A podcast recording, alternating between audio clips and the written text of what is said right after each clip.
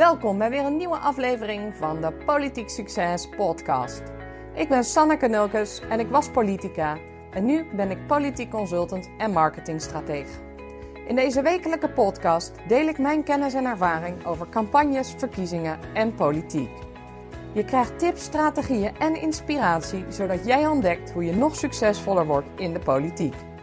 Dankjewel voor het luisteren en laten we beginnen.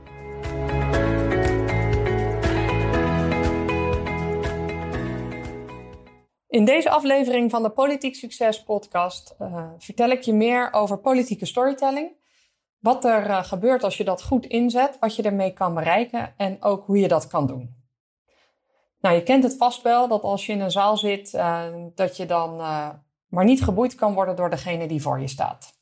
Je aandacht dwaalt af en je zoekt een beetje naar je telefoon. En ondertussen scroll je een beetje op social media om te kijken of er nog wat interessants is gebeurd in de wereld. En als het even tegen zit, kun je je ogen ook niet eens open houden. En dit is dus precies niet wat jij bij jouw doelgroep, bij je kiezer of als je eenmaal al op je functie zit, bij je andere luisteraar wilt bereiken. Je wilt eh, de mensen bereiken, binden en dan ook nog eens boeien. Maar hoe doe je dat nou eigenlijk?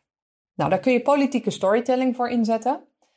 Uh, het verhalen vertellen, dus de storytelling aan zich, is uh, zeker niet iets nieuws. Uh, dat wordt al sinds jaar en dag gedaan. Maar het is nog steeds een van de meest effectieve, maar toch tegelijkertijd een van de minst goed gebruikte tactieken die kandidaten bij verkiezingen en ook daarna nog gebruiken. Uh, wanneer ik je zeg dat je aan storytelling uh, kan doen, dan bedoel ik natuurlijk niet dat je verhalen moet gaan verzinnen. Ik heb het erover dat jij je eigen, je persoonlijke en gemakkelijk te onthouden verhaal overbrengt. En niemand is geïnteresseerd in jouw ongetwijfeld uh, geweldige cv en alle ervaringen die jij hebt qua werk. Maar mensen willen wel ervaringen horen van echte mensen. Ze willen horen um, wat er in jouw leven is gebeurd waardoor je bent veranderd. Waardoor je je anders bent gaan gedragen of bent gaan denken of anders bent gaan doen. Um, ze willen simpelweg dat je ze het gevoel geeft dat ze je kunnen vertrouwen en vertegenwoordigen. Want dat is natuurlijk belangrijk. Kiezers uh, weten dat er al vaker tegen ze is gelogen. Het wantrouwen in politiek en politici uh, is groot. Dus wat je grootste taak is om te doen, is om te zorgen dat je dat vertrouwen voor ze wint. Zowel in verkiezingstijd moet je het winnen en daarna moet je het waarmaken. En daar kun je dus storytelling goed voor inzetten. Um, het is wel handig dat je een aantal uh, standaard onderdelen daarin terug laat komen in je storytelling. Uh, en dat helpt je om daarin herkenbaar te zijn en dat mensen je verhaal kunnen onthouden. Nou, in de eerste plaats is het belangrijk dat je persoonlijkheid in je verhaal stopt.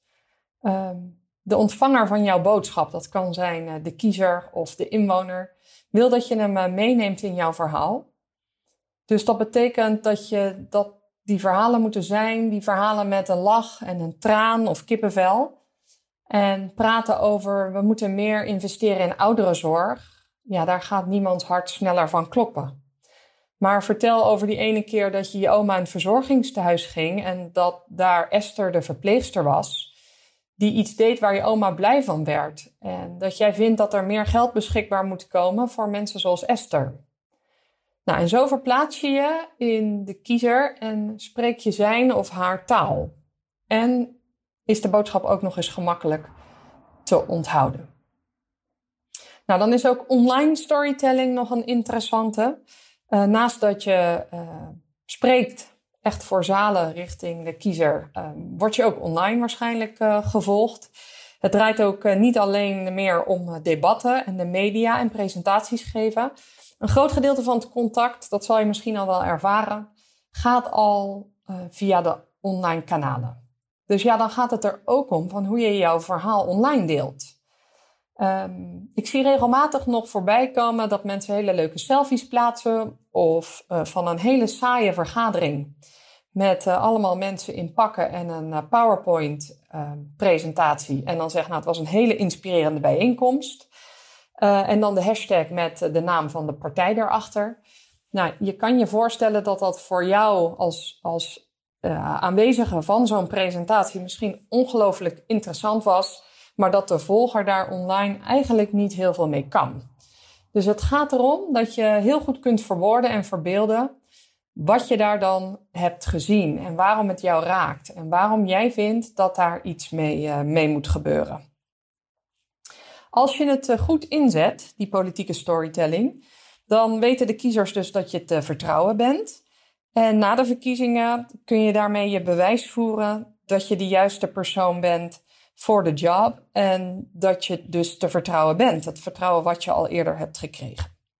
Nou, je connect op emotioneel uh, niveau met mensen. En daarnaast is er nog een hele andere interessante punt, de laatste. En dat is dat jij interessanter wordt om te volgen. Want op emotioneel connecten, dat vinden mensen interessant en ze zijn benieuwd naar jouw volgende verhalen. Dat betekent dat jij langzamerhand gaat groeien in het aantal volgers. En dat snap je natuurlijk wel, dat op het moment dat jouw eh, groep in volgers groot is, betekent dat dat je de volgende verkiezingen minder hard hoeft te werken om via advertenties nog een groter bereik bij elkaar te krijgen. Dus het helpt je ook gewoon om alvast aan je basis te werken voor de volgende verkiezingen. Hoe ga je hier concreet mee aan de slag? Nou, dat kan met de politiek succes uh, storytelling kwadrant. Dat zijn uh, vier onderdelen van storytelling waarmee jij uh, meteen online al het verschil kunt gaan maken. Ik zie dat veel politici hap-snap berichten delen op social media. Waar ze zijn, wat ze doen, wat ze eten ongelooflijk veel informatie, maar het geeft helemaal geen consistent beeld wat jou als kandidaat of als politicus of bestuurder uh, te vertrouwen maakt en wat de oplossingen zijn voor, uh, voor de problemen die er op dit moment voor staan.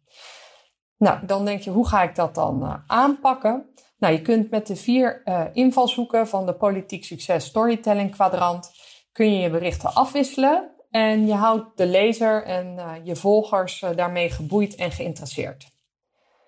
Nou, de eerste is uh, je oplossing delen van een probleem en je initiatieven en aangenomen moties. Maar plaats niet letterlijk gewoon een foto van de motie en zeggen: Yes, onze motie is aangenomen. Nee, waarom heb je hem ingediend? Wat maakt dat het voorstel dat er ligt, of wat maakt de wereld daar beter van doordat die motie is aangenomen? Vertel jouw verhaal wat jouw achtergrond daarvan is. Leg je drijfveren uit, dat is het tweede punt. Je drijfveren waarom je de politiek in bent gegaan. Heel vaak eh, ben je natuurlijk in de waan van de dag druk bezig met vergaderen en alles wat er verder nog komt kijken bij je politieke carrière. Maar mensen verbinden heel erg met waarom je de dingen doet. Dus schrijf nog eens een leuke blog of in een aantal regels uh, waarom je doet wat je doet. En je zult zien dat mensen daar heel erg uh, op gaan reageren. Het derde punt is, uh, laat zien hoe jij anders bent dan uh, de andere partijen en zelfs dan jouw fractiegenoten. wat maakt jou nou uniek en waarom is jouw aanpak zo uniek? Wat zijn de oplossingen die jij specifiek hebt of die jouw partij heeft en waar jij je heel specifiek voor inzet? Uh, en link dat weer aan jouw eigen verhaal. Waarom vind jij dat belangrijk en waarom ben jij de persoon die zich daarvoor moet inzetten? En het laatste punt is: uh, deel een verhaal van een van jouw oplossingen. Op het moment uh, dat het zover is dat jij een voorstel erdoor hebt gekregen of je hebt een initiatief genomen en het wordt gerealiseerd, dan kun je, als dat gaat beginnen, kun je natuurlijk heel mooi vertellen dat het jouw initiatief is geweest waarom je dat uh, hebt bedacht en welke oplossingen dat biedt voor welk probleem. Nou, ik wens je heel veel uh, plezier en succes uh, met het inzetten van storytelling online. Heb je vragen? Je kan me altijd even een mailtje of een berichtje sturen. Ik help je ontzettend graag om jouw verhaal de wereld in te brengen, zodat iedereen weet waarom jij het doet en waarom jij de wereld mooier gaat maken in de politiek.